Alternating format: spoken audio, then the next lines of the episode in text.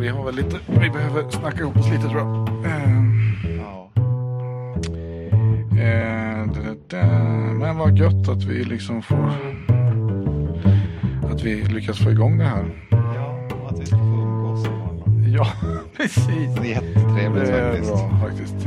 Eh, det ser jag fram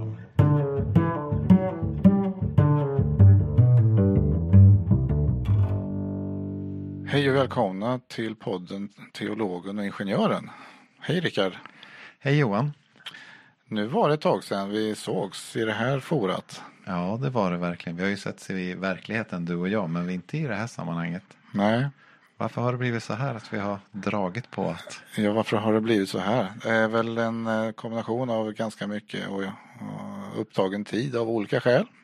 Så, Ja, jo, vi har ju varit ute och rest ganska mycket i jobbet båda två. ja. Mm. Du har ju än en gång eh, så att säga berikat någon slags internationell aspekt på din visdom eller någonting sånt. Ja, eller förstört miljön genom att flyga igen, kan man också säga. Ja. Det är det vi forskare gör. Det är bra att du är medveten om vad du ställer till med tycker jag.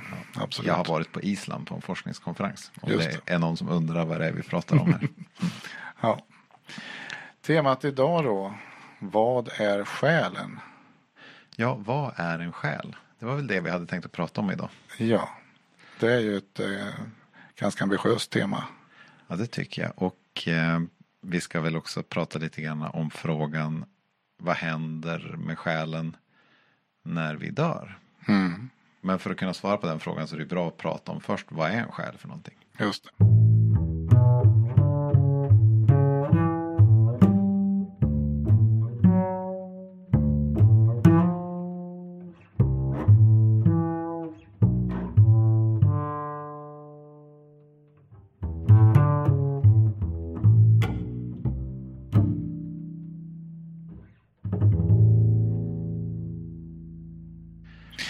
Kanske kan köra lite introduktion till varför vi vill prata om det här? Jo men absolut. Eh, så här är det att vi blev kontaktade av en god vän till mig som eh, är i eh, branschen, är ingenjör och lyssnade på våran podd och började ställa en, en fråga som en utmaning till dig och mig. Ja. Alltså vad, vad händer med själen när man dör? För det kan vi förklara det så skulle han ju kunna tänka sig att kanske börja fundera lite grann på det här med kristen tro. Typ, det sa han inte men, men det var i alla fall en, en utmaning. Så vi, eh, vi träffades ju här. Det var ett ganska bra tag sedan nu vi träffades. Så Ja, men det var trevligt. mycket trevligt. Vi började diskutera det här och så. Och lite kontexter runt vår vän är ju det att eh, eh, föräldrarna är eh, kristna men eh, att han har ju känt att det är någonting som inte riktigt eh, är, funkar rent logiskt och vetenskapligt med att man kan tro på en gud eller tro att man kommer att eh, lämna kroppen när man dör och att, eh, det här med himmel finns och sådana saker. Och det tror jag är ganska många idag som ställer Ja. typ den frågan. Och undrar om det är rimligt med den här traditionella kristna tron utifrån just den typen av funderingar. Precis. Och jag menar, mycket handlar väl om att ja, men kan, ni, typ, kan man förklara på en mer elektronisk nivå vad händer när människan dör? Alltså, kan man säga att någonting lämnar människokroppen eh, när, när människan dör? Eh, Det finns ju någon, någon film tror jag som heter 17 gram. Det går ut på, jag vet inte vad filmen handlar om, jag har inte sett den. Men det går ut på att de mäter att kroppen blev 17 gram lättare när, när mä- människan dör. Och så går det i filmen ut på att då är det själen som lämnar kroppen. För den väger right. 17 gram. Okej. Ja. Det är väl kanske inte där vi kommer landa. Men Nej, eh, det, så är det väl. Men, Ja. men, nej, men eh, så att vi eh, och det är klart att det fanns väl en, det ska man säga att, att det finns ju en väldigt god ingenjörsmässighet i hans frågor och eh, kanske också en, en förväntan om att jag då som både kristen och ingenjör skulle kunna eh, leverera några väldigt eh, odiskutabla argument eller bevis för det här och så. Och det kan man ju inte utifrån ingenjörsmässigt perspektiv. Men man kan ändå tro. Och det var väl lite grann eh, ingången till vårt samtal med honom. Alltså vad, vad är gränsen för vetenskap och kan man, kan man begära att eh, man ska kunna bevisa Guds existens vetenskapligt och jag mm. spelade in kanske en åsikt att om man nu kan bevisa Gud eh, med vetenskap så fallerar den här idén eller konceptet med Gud lite grann för mig. Och det, det, så att vi hade lite olika ingångar och tankesätt runt det här. Ja, så det är väldigt många stora intressanta frågor som egentligen kommer att eh, vara stoff för många avsnitt. Eh, så. Ja, precis. Och det är vi tacksamma för. Eh, ja. Det här samtalet. Men idag så av alla dessa stora frågor så ska vi zooma in på just frågan kring själen. Precis, vi tänkte just ta detta med själen. Vad är själen och vad är medvetande kanske och även ande och så.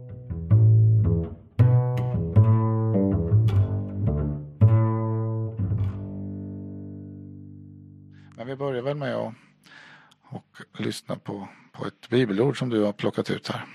Ja, och till idag så har jag faktiskt plockat ut två olika bibelord. Mm. Det ena är ur psalm, Saltaren. Eh, och där finns det ju många böner till Gud. Och eh, i många av de här psalmerna så ropar psalmisten, den som ber, till Gud. Och i den gamla översättningen Bibel 2000 och även folkbibeln så står det ofta min själ. Till exempel i psalm 84 där står det min själ längtar och trängtar efter Herrens gårdar.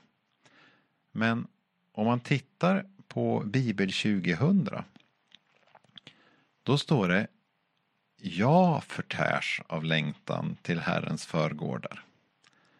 Så här har Bibel 2000 valt att översätta någonting med jag och folkbibeln och 1917 års översättning har valt att översätta det med min själ. Och det grekiska, nej vad säger jag, det, vi ska inte komma till grekiskan än. Det hebreiska eh, ordet här som står då är nefesh. Eller nefshi, min själ. Och nefesh har traditionellt översatts med själ. Och redan när man översatte Bibeln till grekiska så översatte man det med det grekiska ordet för psyché alltså psyché som betyder själ, psyke. Mm, det är mm. det som vårt psyke har kommit ifrån. Okay. Men de som översatte Bibel 2000 de ansåg att de som läser min själ nu för tiden mm. de kommer att tänka på själen som någonting som är något annat än kroppen. Mm. Och det ansåg de som översatte Bibel 2000 att det är fel. Mm. För min, min själ betyder inte min, min själ till skillnad från min kropp utan min själ betyder bara min personlighet, min person. Verkligen det centrala i vad som är jag. Ja, precis. Och då valde de att översätta det med bara jag. För att den nutida läsaren skulle tänka rätt. Mm. Och det är lite intressant. Mm. Ehm, det har ju någon slags bakgrund i att det finns en ganska lång historia i hela västerländska tänkandet att göra en skarp åskillnad mellan en kropp som är materiell och en själ som är någon annan slags substans som inte är materiell. Mm. Vad det nu är för någonting. Mm. Vad är en icke-materiell substans? Det, det är kanske lite svårt att begripa men själen mm. är någon slags motsats till kroppen. Just det. Och då vill man liksom inte uppmuntra den typen av skarp eh, åtskillnad mellan de två. Mm. För den åtskillnaden finns inte i hebreiskt tänkande. Utan många sådana här ord för själ, kropp och ande, de överlappar varandra väldigt, väldigt mycket. Men vi kanske kan återkomma Så det, till det. Så det kom in en åtskillnad senare där man då blir, pratar mer tydligt om kroppen å ena sidan och själen å andra sidan. Ja, det blir ju så. Man kan säga att bakgrunden är ju Platon. Mm. Han gjorde ju en stark distinktion mellan eh, idévärlden och sinnevärlden. Mm. Och idévärlden är ju bortom tid och rum för Platon. Och sinnevärlden är det som är det konkreta materiella. Mm. Och han menar ju att det sant verkliga är ju det som finns i idévärlden. Så ett träd som finns i sinnevärlden, ett materiellt träd. Det är bara ett träd därför att det är delaktigt i trädets idé. Och så i trädets idé som är tidlöst och evigt. Det finns ju i idévärlden. Och sen Mm. i den, i, vad säga, i den sinnevärlden finns det ett antal träd som mer eller mindre korrekt återspeglar trädets eh, sanna idé. Just det. Eh, och då är det så, resonerar han vidare, att, att människans själ, Mm. den tillhör idévärlden. Det Precis. här eviga och tidlösa och den är odödlig. Ja. Medan människans kropp är bara en, som en konkret mm, Tillfällig boning för denna själ. Ja, han uttrycker kanske inte riktigt som en boning utan mer den konkreta manifestationen av Ja. Ja, människans, det. eh, att vara människa i, i, den, i den sinnevärlden. Sen kommer ju i annat tänkande, till det typer av tänkande som kallas för gnostiskt tänkande. Mm. Eh, Gnostiskt. Ja, och det är en, en variant av kristendomen som anser att, och judendomen ska man säga, som anser att världen är ond och är skapad av en vilseledd skapargud som man brukar kalla för demiurgen. Va? Demiurgen? Ja, demiurgen. demiurgen fick hybris enligt många gnostiska myter och eh, förstod inte sin plats i hierarkin under Gud och började skapa. Och på så sätt så skapades den materiella världen. Eh, och i människan finns det då en en själ som är en gnista av den sanna guden. Men den gnistan är fången i den materiella världen. Och det är annorlunda än kristen tro. För den kristna traditionen säger ju att den materiella världen och människans kroppsliga tillvaro är någonting i grunden gott. Mm. För Gud skapar ju världen som någonting gott. Så här har vi en, en ganska eh, kroppsfientlig eh, föreställning. Och med det så blir ju tar man ju på ett sätt kan man säga de platonska idéerna om skillnaderna mellan en sann verklighet som är, som är ande och själ eh, och så. Och en falsk ond verklighet som är materia och kropp. Mm. Eh, till någon slags spets där det, där det kroppsliga och materiella blir ont. Just det. Men va- där, där har, så har ju aldrig kristendomen eh, uttryckt sin tro utan den kristna tron har ju alltid varit att den materiella, världen och människans kroppslighet är ju någonting gott. Mm. Däremot när man går framåt i tiden Mm. så upp, utvecklas ju inom den kristna traditionen ganska snart tanken på att det är själen som överlever kroppen efter att människan har dött. Mm. Och det är ju tydligt inspirerat av Platon. Mm. Okej. Så, eh, och där blir det ju så att det är ganska vanligt att man i kristna texter uttrycker det som att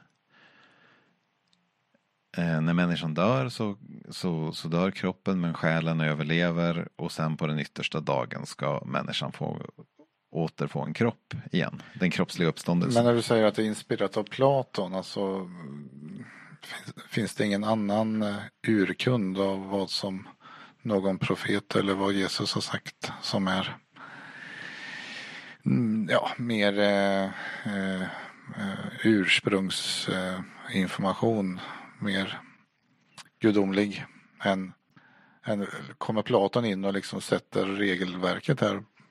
Ja, man kan ju tro det. Men det är ju alltid så där när, när kyrkan läser Bibeln så läser den den ju genom sin tids kultur. Och när vi kommer till runt 200-talet och framåt då är ju Platon het igen. Man brukar kalla det för neoplatonismen, att Platon är tillbaka.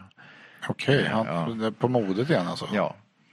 Eh, Och de kristna intellektuella de är ju lika intresserade av platonska tankar eh, som alla andra runt den här tiden och när man ska formulera den kristna tron på ett filosofiskt hållbart sätt så, försöker man, så blir det en slags dialog mellan bibeltexterna och den filosofi som lärs ut på, på antika liksom, utbildningar och sådär.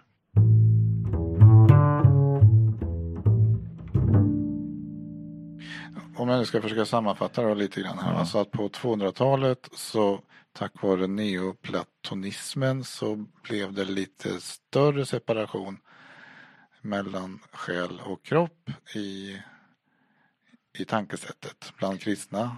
Men på Jesu tid så Mm. var det inte någon neoplatonism.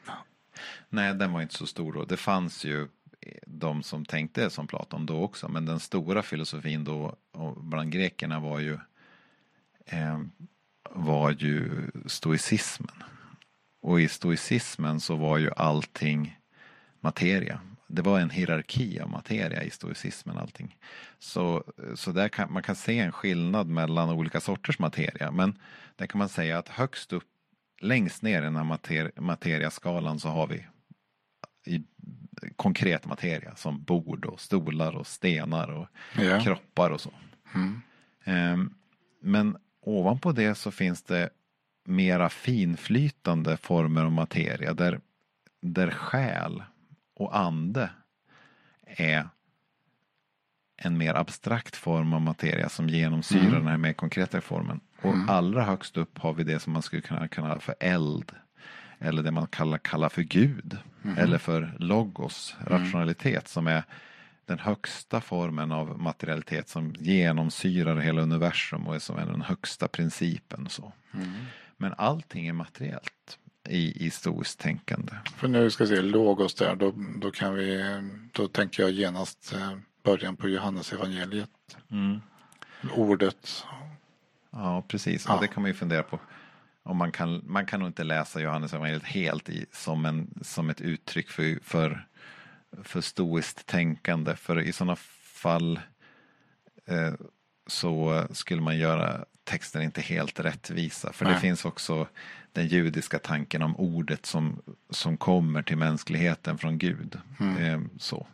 Men det är nog så att Johannes evangeliets första kapitel anspelar på det här stoiska tänkandet om Mm. att logos är den högsta principen som Mm. är Gud. När han skriver att ordet var Gud. Mm. Och det kom vi ju in på det där Mm. på ett avsnitt där vi pratade om universums skapelse och, och matematikens eh, eh, medverkan i det skapta. Eller vad vi nu formulerar det. Ja. Ja, men för att backa ytterligare. Jag bara, eh, det, det, är ju, s- och det här har vi då kan man säga att skar, den skarpa gränsen mellan själ och kropp är inte lika skarp då i, i stoiskt tänkande. För allting är liksom inom, inom ett Den var alltså inte In- lika skarp under Jesu tid men det blev skarpare på 200-talet. Ja, precis. Men vi, om vi går ytterligare och backar då till, till traditionellt judiskt tänkande som vi har i Gamla Testamentet. Så är ju de här orden som vi har för själ, nefesh, ande, ruach, eh, kropp, basar, som man också kan översätta med kött. Eh, De här uttrycker egentligen inte distinkta aspekter av människan utan mera olika sätt att prata om människan. Om man pratar om människans själ eller nefesh, då är det hennes personlighet.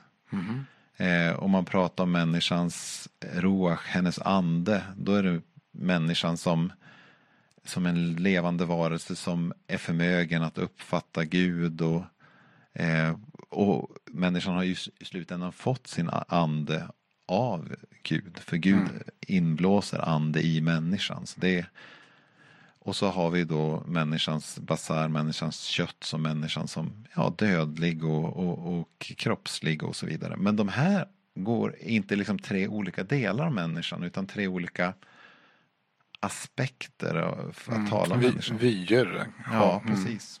Som att titta på ett objekt från olika håll. Precis.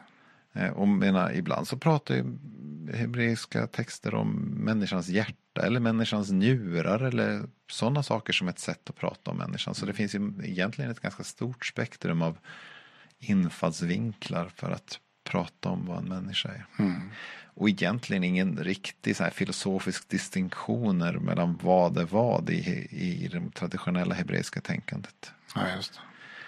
Ehm, Men sen så, som sagt, i judiskt tänkande så växer den också fram den här skillnaden mellan den andliga världen och den jordiska världen fram.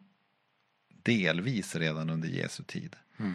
Och det är tydligast i, i vissa eh, apokalyptiska texter, alltså sådana här texter som där, eh, där de får inblickar i himmelen och stri, andliga strider i himmelen och sådär. Mm. Eh, Det finns ganska mycket apokalyptiska texter från den här tiden. Så att jag kan inte påstå att, att det inte alls finns någon slags åtskillnad mellan andligt och jordiskt runt Jesu Mm. tid.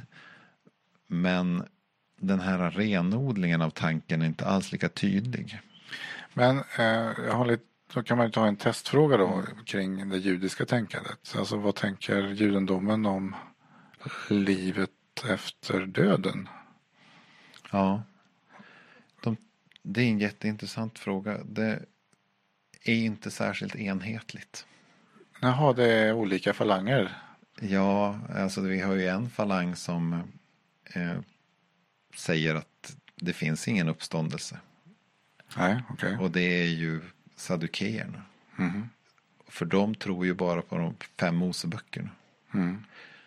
Och i de fem Moseböckerna så står det ingenting om någon uppståndelse från de döda. Nej. Eh, Och Jesus har ju en debatt med dem i hela Nya Testamentet. Och det är ju om just den här frågan. Och där Jesus då står på samma sida som faktiskt fariseerna gör. Fariseerna tror på en uppståndelse på den yttersta dagen. Just det. Men, men, ja, just det. Men då ska vi se rent eh, Rent logiskt här så skulle man ju kunna säga att en uppståndelse på den yttersta dagen betyder att man är väldigt död ända fram till den yttersta dagen. Ja, det skulle man kunna säga. Och att det egentligen inte handlar om att någonting vandrar vidare från, från när vi dör till något annat. För det var det jag var liksom, Mm, om man, om man ja. kunde liksom påvisa att eh, judendomen betraktar någonting som, som finns hos människan som, som är utöver kroppen så att säga. Nej, det uttrycks inte alls eh, i de här texterna så att, liksom, att det finns någon, någon del av människan som kommer leva och vara medveten eh, utan en kropp. Mm. Om vi går till Paulus då som jag nog får säga är, är väldigt judisk. Mm. Eh, han säger ju att, eh, att eh, här på jorden har vi en sorts kroppar. Det här är första Korintierbrevet 15. Mm. Och de här kropparna kallar han för psykiska kroppar. Psykiska, PS alltså, psykiska. Ja. Mm. Och det har översatts med kropp som ger liv i Bibel 2000. Eftersom Mm. psyché har med liv att göra. Mm. Så han säger att det finns en slags kroppslighet på jorden som, som kännetecknas av psyché, Mm. alltså av liv.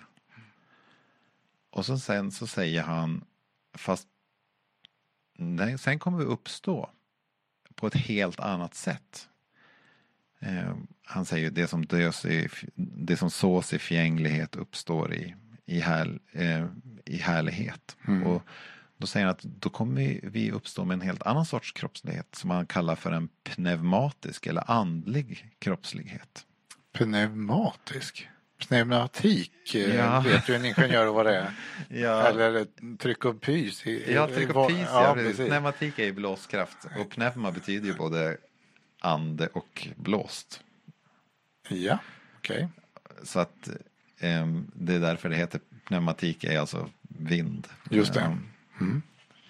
ehm, och då blir det ju väldigt intressant att Paulus kan egentligen inte i sitt resonemang i första Korinthierbrevet tänka sig en människa som inte har någon sorts kroppslighet. Utan man går från en sorts kroppslighet som är en psykisk kroppslighet, det vill säga en kroppslighet som tycks vara anpassad till det här livet på jorden, direkt till att uppstå med en annan sorts kroppslighet som är en pneumatisk, det vill säga andlig kroppslighet. Så han liksom tänker sig egentligen aldrig en människa som inte har någon form av kroppslighet. Okej.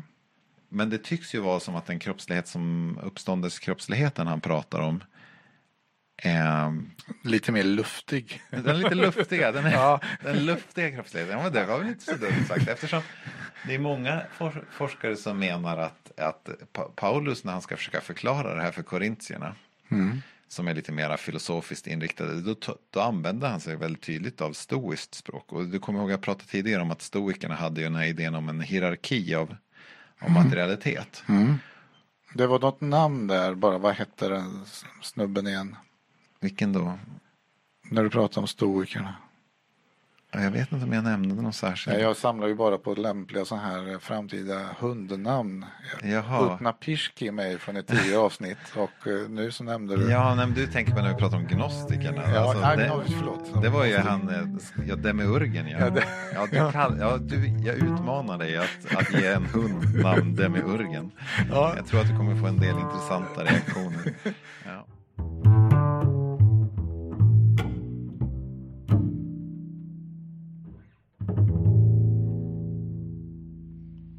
Ja, vars var vi någonstans? Ja, alltså. Jag var så förvirrad av denna hund. Ja, alltså den, den, Paulus idé om att vi, vi, vi får en ny kropp som är Ja. lite mer luftig. Ja, som är, och då, om, man, om man tolkar det han säger i ljuset av någon slags att han i största allmänhet tänker lite stoiskt. Han är inte stoiker på det sättet, men Ja. då säger han ju att man, att man får en slags kroppslighet som är högre upp på den materiella hierarkin. Alltså Ja. där liksom den här mer med fin, fin, finflytande, högtstående, eh, eviga formen av materialitet. Just det. Så, men det är fortfarande en kroppslighet vi har. Eh, har den här någon slags släkt, släktskap med, med karma-idén? Att man, eller kastved, alltså du vet man, man eh, hinduismen handlar om att man ska liksom vara, leva ett gott liv så att man liksom kan plocka upp några nya nivåer i sitt nästa liv på att födas i en högre. Det är en jättebra fråga. Men jag är så dålig på hinduisk metafysik och, och även Ja. buddhistisk metafysik så att jag ska nog inte försöka Nej. uttala mig Ja, om det. då skippar vi det. Det var, Ja. en liten öppen fundering bara. Ja, men det är en väldigt intressant fundering och det är Mm. säkert eh, folk som har gjort den typen av jämförelse men jag, Mm. jag kan inte ta det. Nej. Eh. Ja, men så där har vi ganska intressant då att eh, säga, den skarpaste tidiga kristna tänkaren runt frågor kring uppståndelsen, det vill säga Paulus, som försöker utforma någon slags teori om hur det ska gå till. Mm. Han, han tänker sig inte att själen är någon slags fristående substans. Nej, eh, om jag bara testar här då med ett litet sätt att tänka. Jag menar den nya den nya kroppen med lite mer luftig kropp Mm. kanske är det som vi idag skulle beteckna som att det är själen som lämnar som lämnar eh, kroppen i så fall. Alltså, Ja, ja lite så kanske. Eh, förutom att Paulus har ju inget mellantillstånd. Eh, det som växer fram är ju tanken på ett mellantillstånd fram till väntan på den yttersta dagen. mm, Eh, och bland annat då med utifrån lite kreativ tolkning av Jesu ord till rövaren på Mm. korset. mm. När han säger att redan idag ska du vara med mig i paradiset. Ja, och det pratar vi inte om att du ska ligga länge först och vänta utan redan idag. Precis, och det är ju ganska intressant. Eh, och då, då blev ju, vad säger kyrkans eh, lära att paradiset är ju där man hamnar med sin själ. Mm. Till skillnad från himmelen Mm. som är dit man kommer komma när man har fått en total uppståndelse, en kroppslig uppståndelse. Mm. Okej. Ja. Eh, Så och- paradiset eh, och himlen är inte samma sak? Nej, inte i vissa texter i alla fall. Ehm, och, men idag är det väl mera, de flesta kyrkor är lite mera vaga på den punkten och säger att man kanske ska vara lite försiktig med hur, hur säker man tror sig vara. Mm. Men, men det är ganska intressant ändå att man kan använda en sån text då, som texten om, om Lukas evangeliet eh, att, som att han säger att du, eh, du ska vara med mig i paradiset från till skillnad från himmelen då, för att göra en distinktion mellan en slags himmelsk tillvaro som är utan kropp och en annan slags himmelsk tillvaro som är med en uppståndelsekropp. Då. Mm. Men, men där man ändå tänker sig ett, en själ. Och jag tror att det helt enkelt är en ganska grundläggande fråga. Man vill veta vad, ja men du, om det nu är så att kroppens uppståndelse ska ske på den yttersta dagen. Mm. Vad händer däremellan? Det är någonting man behöver lösa, eller hur? Mm. Ja. Eh, om man nu eh, från- utifrån vårt sätt att tänka kalendertid så är det definitivt en period där som man inte riktigt har koll på. Men Mm, vad vet jag, precis. det kanske är någon mm, det kanske är som så att det finns någon krökning av tidrummet här som är Ja, personligt för oss var och en. Vad vet jag? Om man nu spånar fritt. ja men Ja. jag tycker det är inte så dumt. Eh, Det är väl en bra idé. Alltså, det är ju vår, det vi vet om tid idag är väl att tiden är inte så linjär som vi en gång har trott. Nej men det är ju, har ju fysikerna verkligen lyckats krångla till ordentligt. Att det här med tid och eh, rum är verkligen svårt att begripa ganska komplicerat. Så. Nej, Ja, men så, det, så det du säger är att den moderna fysiken lär oss att vi behöver egentligen inte längre lösa frågan om mell- mellantiden. Eftersom nej det skulle, alltså jag vet inte, jag tar inte, det här var bara eh, ett provtänk och den här podden handlar ju Ja, om visst provtänk. är det så. Men, men, men eh, Ja men det finns väl även teologiska resonemang som verkligen säger att det här med att tänka, tänka som vi är vana att tänka om tid är faktiskt inte riktigt en framgångs ett sätt att tänka framgångsrikt i det här området. Så, så att, ja, ja, men det kan ju vara en hypotes. Absolut. Men om, men om man går vidare från det så tänker jag så här. Ehm, om vi nog skippar, om vi säger att vi kan skippa den idén om att själen måste vara en substans som på något sätt är själva jaget. Mm, Som måste överleva fram tills dess att det kommer någon slags uppståndelsekropp igen. mm, Då blir det ju möjligt att istället börja tänka på själen som något annat än en substans. mm, Till exempel som en händelse eller en process. mm. Eller så.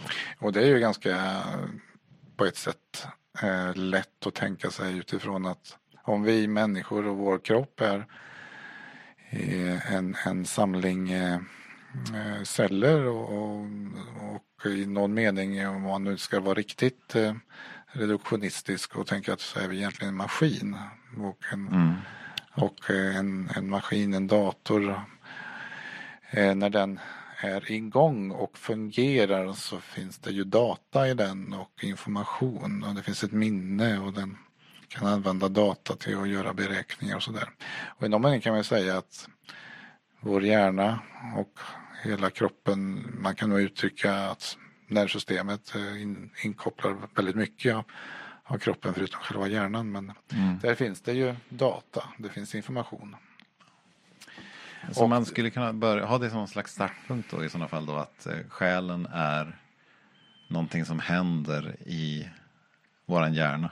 Ja, och om man nu tänker sig eh, någon har, jag tror det var i Max Tegmarks bok Life 3.0 så står det någon uppskattning där att mängden storleksordningen på den mängden data vi har i våra hjärnor är storleksordningen på mängden data vi har i våra hjärnor är eh, i storleksordningen eh, 100 terabyte. Mm. Eh, jag menar, jag har datorn jag har hemma, den råkar ha en hårddisk på en terabyte. Mm. Så jag menar, det, det går ju att börja tänka vad det handlar om i, Mm. i mängd data för att representera en hjärna. Och nu ska man ju tänka då att en hjärna, vad består den av? Jo, den består av neuroner som har kopplingar Mm. till varandra och som ligger i olika tillstånd och så där. Och så därför så kan man ju i någon mening basera detta på antal neuroner och så. Ja, det är ju Eh, väldigt intressant. Jag tänker genast att det här sättet att tänka, det skulle ju inte på något sätt stå i strid med vad det hebreiska ordet då nefesh och det grekiska ordet psyche i Bibeln betyder. Det vill säga liv, personlighet, mm, jag. mm, Det vill säga det medvetande som pågår hela tiden. mm, Och alla de här orden, alltså personlighet, jag, liv. mm. Det, det skulle man ju kunna uttrycka som det är en process som pågår. Ja, det är en process som på, på, pågår och på något sätt så, så är det ju som så att det finns en i, I kroppen så, så länge strömbrytaren är påslagen så finns den där processen. Mm. Och vad händer då när, när man slår av Mm. kroppen, strömbrytaren på kroppen eller, eller slår av strömbrytaren på en dator, ja, då, då försvinner ju informationen. Skulle man ju i och för sig när det gäller en hjärna kunna tänka sig att eh, Mm. eh, det är en biokemisk substans som kanske i någon mening stannar i något läge som gör att det skulle gå att läsa ut någonting även om man nu skulle så. Men, men vi struntar i det fallet där utan Ja, Vi- fast vi- man har ändå kvar problemet vad händer när man kremerat en hjärna eller när hjärnan Ja, har förmultnat eller har man ju ungefär slagit, eh, kraschat hårddisken med, med en, en storslägga på rikt, ordentligt, absolut. Mm. Eh, Men det kan vi återkomma. Jag måste bara få berätta en liten så här sidospår. Mm. Eh, ja, man, här säger vi ju att då att själ, man kan tänka på själen som något annat än en substans utan som en process. mm, Och då är frågan är, kan man säga att då själen finns? mm, Och det är ganska intressant för betyder finns bara är en substans. Alltså den här stolen finns. mm, Det betyder ju den här stolen är en substans. mm. Men säger jag kärlek finns. Då menar jag ju inte kärlek är en substans som jag liksom kan Ja, mäta det. med fysikaliska mätmetoder. Ja, just det. Eller det finns ett avstånd mellan de här två stjärnorna. Och Mm. det här avståndet är ju bara vakuum. Så där finns, alltså. Det är väl själva. Ja, ja, det. Jo, Eh. men, ja, men det är ju någon slags, ja, men det är ju information eller det är något mem kanske man kan säga också. Mm. Som, som ju, kan ju finnas, men det är väl Ja men oj, det här måttet mellan två stjärnor. Det är vakuum, men finns måttet? Ja, men- Ja, det ja, finns ju säger som man en... nej på den frågan då är väl stjärnorna på samma plats? ja. Eller? Det är du som är ingenjör. Ja, ehm, eh, då skulle man ju kunna säga så här att eh, för att någonting ska kunna finnas överhuvudtaget så måste det finnas en uppfattning om detta i någons hjärna eller nedtecknade skrift eller någonting någonstans. Och om det då inte har, finns det utan är totalt bortglömt Ja. Så skulle det därför inte finnas. Det kanske är någon teologisk eh, twist som, som håller att om någonting är fullständigt dolt i, i ovetenskap så finns det inte. Men å andra sidan så skulle ju det motsäga det faktum att vi upptäcker nya saker hela tiden som faktiskt har funnits innan det upptäcktes. ja, precis. Men det vi lyckas göra nu är väl åtminstone att bredda våran uppfattning om att finnas till att vara en substans. eh, Till att inte bara handla om att vara en substans. Absolut. Ehm, och då kanske man inte behöver vara så himla rädd för att börja tänka på själen som någonting annat än en substans. Nej. Alltså att den skulle vara mindre verklig för att den inte är en substans. Nej men det, precis, men tror du tror att det är, jag, eller jag tror inte att det är så många som kanske måste, alltså det, det är inga som har problem med att själen inte är substantiell, eller? Men jag tror lite det, för det känns ju väldigt tryggt att själen är en substans. För då är det någonting som är själva jag som överlever min död. Så det känns som att mitt jag har... Är det, är det bara för att jag är så van att tänka i, i, i data som, Ja. som eh, någonting som försvinner abrupt när, när strömmen går? Ja, och, så, och så dessutom har vi ju, vi har ju, det är nog ganska vanligt, nu har inte jag upplevt det själv, men jag vet ju många andra som har upplevt det, som här äh, utanför kroppen upplevelserna. Mm. Alltså folk känner ju att de kan liksom finnas utanför sin kropp. Mm. Eh, till exempel, nu ska jag bara slå upp Paulus, eh, andra Korintierbrevet i ehm, kapitel 12. Mm. Där Paulus tycks ha haft en sån här upplevelse som kanske utanför kroppen. Han är lite osäker. Jag ska Mm. läsa. Mm. Han, han, han berättar om. Jag vet en man som lever i Kristus och han pratar om sig själv här. Och som för 14 år sedan, om det nu var med kroppen eller utan det, vet jag inte. Så han säger att om det nu var med kroppen eller utan den vet jag inte. Men Gud vet. Han blev i alla fall uppryckt till tredje himmelen. Så Paulus har här någon typ av andlig upplevelse av att han får Mm. inblick i den himmelska verkligheten. Mm. Och han är väldigt osäker på om hans kropp följde med eller inte. Mm. Och det är ju många som har känt till exempel när de har varit nära att dö och sånt att de rent fysiskt ser sig själv sväva. Mm. Så det finns någon slags intuitiv känsla av att, tror jag hos många människor, att det finns någonting som är mitt sanna jag som är bortkopplingsbart från, Mm. från kroppen. Jo men eh, absolut och det tror jag, ja, men jag har eh, eh, en egen upplevelse jag kan inte avslöja riktigt grunderna för den, vi håller på den lite. Men, Ja. men, men, men om man nu ska hitta ett ingenjörsmässigt synsätt på det där så skulle man ju faktiskt kunna hitta det genom att tänka att minnet vi har i hjärnan eh, som är på något sätt lagrat i processer, Mm. i neuroner som skickar signaler och som, som eh, nu vet inte jag ifall det verkligen är statiskt minne eller om det faktiskt är så att eh, en, minne är kanske någonting som faktiskt snurrar eh, runt bland några kretsar eller någonting sånt där. Eh, om det är nu som så att man, man dör eller att man är på väg att dö eller nära Mm.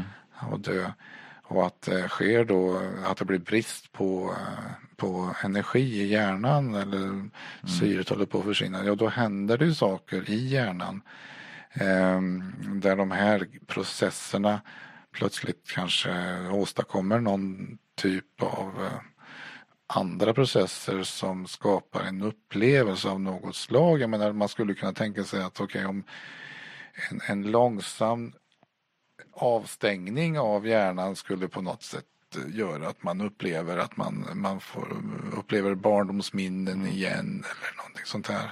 Ja. Alltså det är ju hur kunskapen om vad som händer när en hjärna håller på att dör Mm. är ju Ja, men jag har inte den och det är kanske någonting man, någon vet mer om. Men det, man skulle kunna tänka sig att det händer många konstiga saker utifrån ett slags eh, upplevelseperspektiv i det sked, skedet.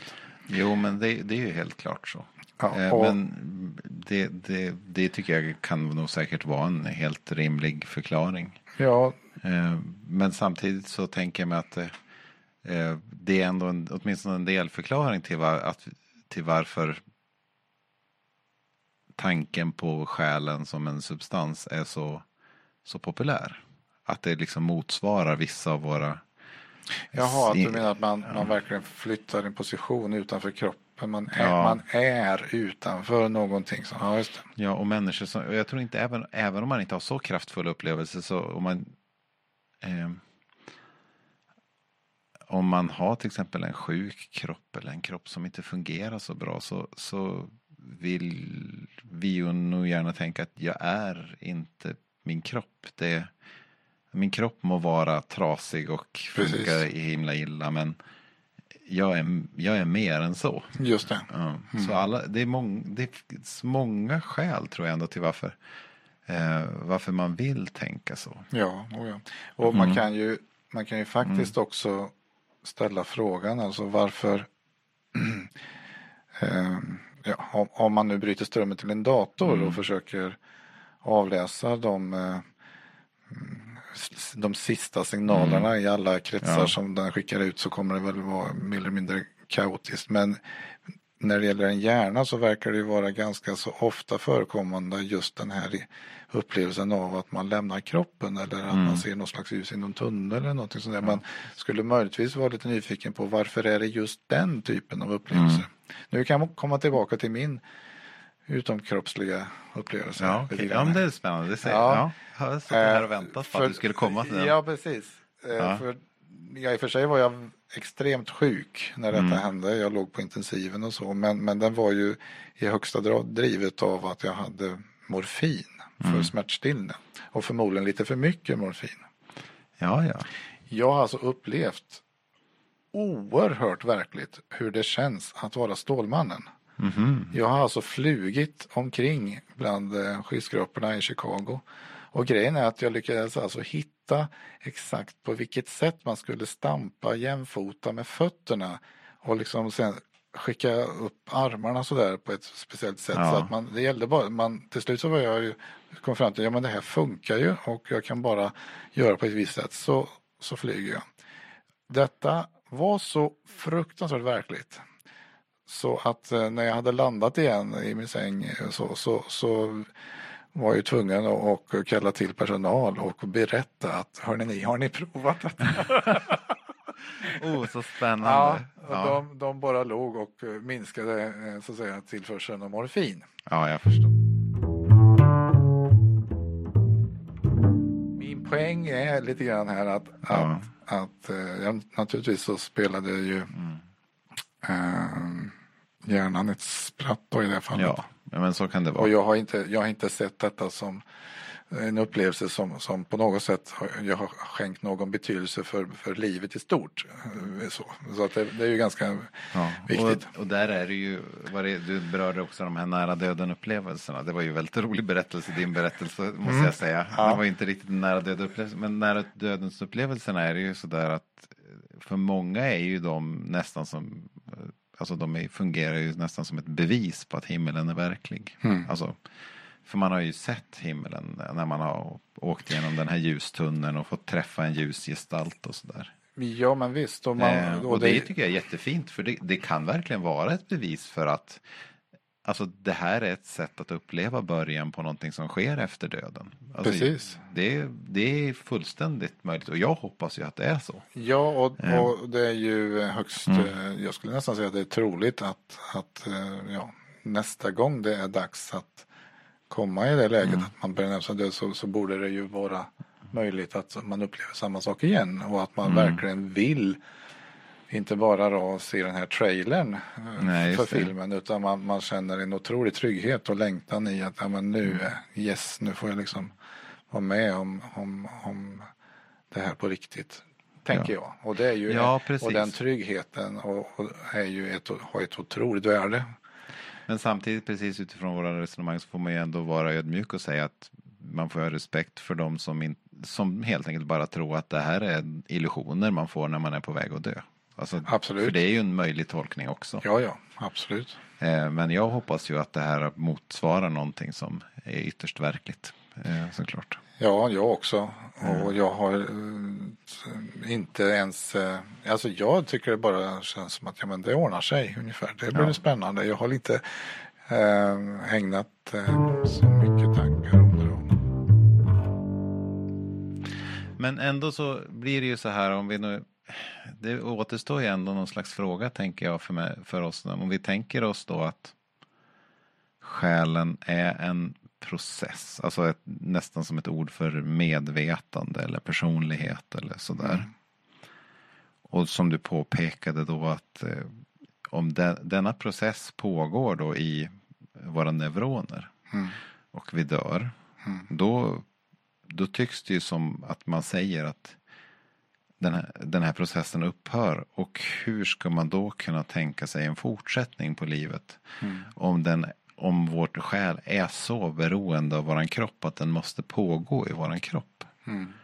Eh, Det är ju väldigt intressant. Och Paulus svar där är ju då eh, delvis att den här processen överförs till någon annan typ av kroppslighet som man kallar för en pneumatisk kroppslighet. Mm. Som han vägrar egentligen att svara på hur den är. Han Mm. säger att det går inte att förstå utifrån Nej. våran jordiska tillvaro. Kommer du ihåg att i, i samtalet med vår vän där Mm. så, så Ja. jag, jag utnyttjade det faktum att han eh, så att säga är ju bland annat väldigt kunnig i radioteknik. Ja just det, nu, fast jag minns inte riktigt. Du får för... Ja, han, han, han har, har eh, eh, eh, forskat bland annat i, i, i, i radio så att säga. Och, och radio och, och radiovågor är naturligtvis någonting som är egentligen väldigt obegripligt.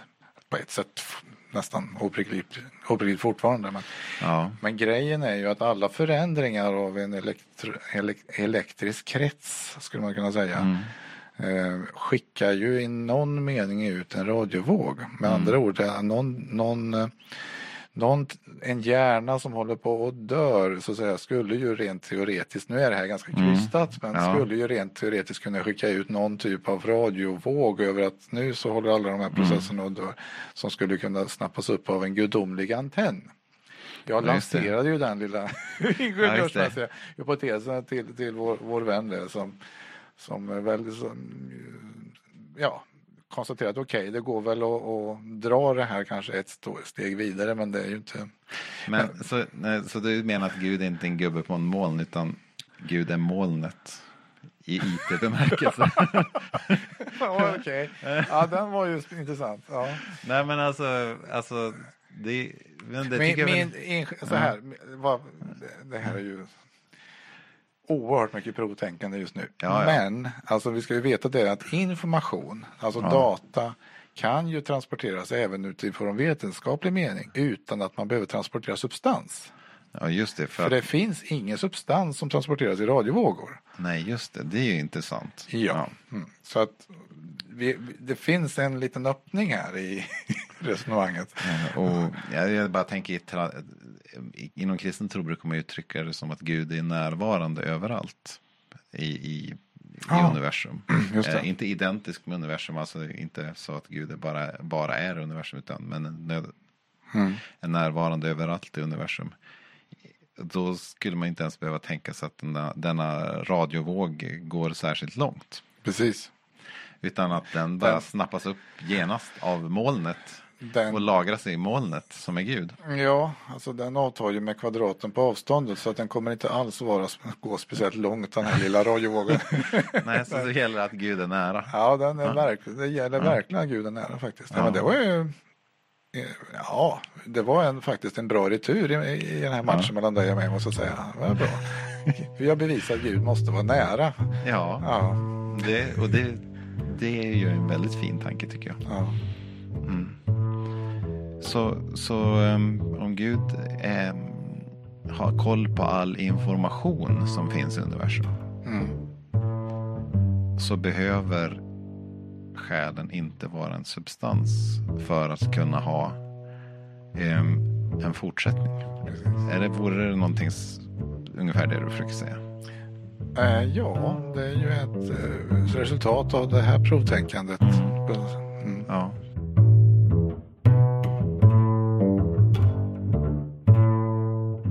Har en liten, i, i slutändan här då, en liten eh, fundering. Att det är ju på något sätt lite tankeväckande för vad mm, vår vän, vi kallar honom för vår vän här, eh, eh, uttryckte ganska tydligt på, på flera sätt är ju att eh, en fascination över detta sammanhang som vi kristna utgör. Eh, alltså, han skulle mer än gärna vill kunna tro. Därför Mm. att eh, vi verkar ha det på ett väldigt eh, tydligt sätt väldigt trevligt eller vi har eh, liksom, vi, vi, är, vi är glada eller vi, vi, vi, vi det finns någonting som är åtråvärt i detta.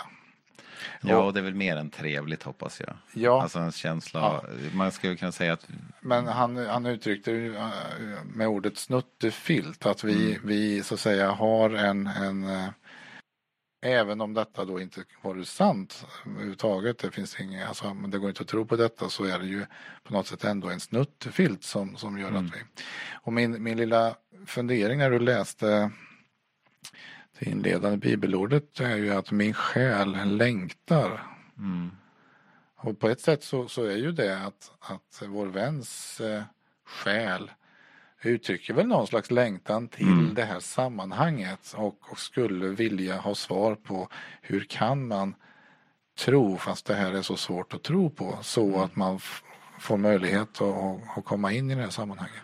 ja, Och och varför- hur kan man tro utan att göra våld på sin vetenskapliga hedlighet Ja. som kännetecknar många ingenjörer Ja. väl? Och, och grejen är ju då, vad, Mm. vad jag vill komma till, varför, man kan också fundera, varför finns det en sån här längtan?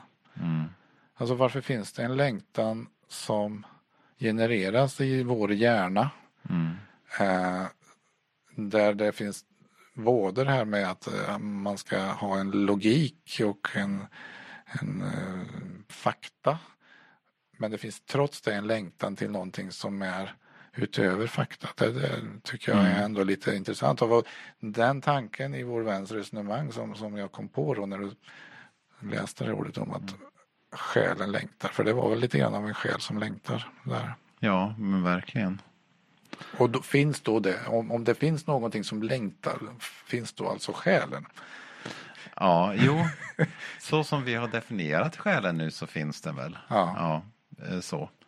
Och eh, vi har, försökt ju, vi har ju försökt att resonera om ett sätt att tänka på i vilken mening själen finns som, som inte blir väldigt knepig utifrån vad ska jag säga, en, en nutida ingenjörs världsbild utan kanske mera eh, kompatibel med Mm. eh, så, med, med ja, vår tids vetenskap och så. Och då kan ju denna själ som är en process verkligen längta efter Gud. Bevisligen gör den det. Mm. Eh, sen så betyder det då att om jag nu tänker tvärtom då att vi att vi, att vi är egentligen och alla, alla levande varelser är egentligen i grund och botten maskiner som finns i divers, som har ett eh, tillstånd av någonting. Varför skulle en maskin börja längta efter någonting annat? Mm. Eh,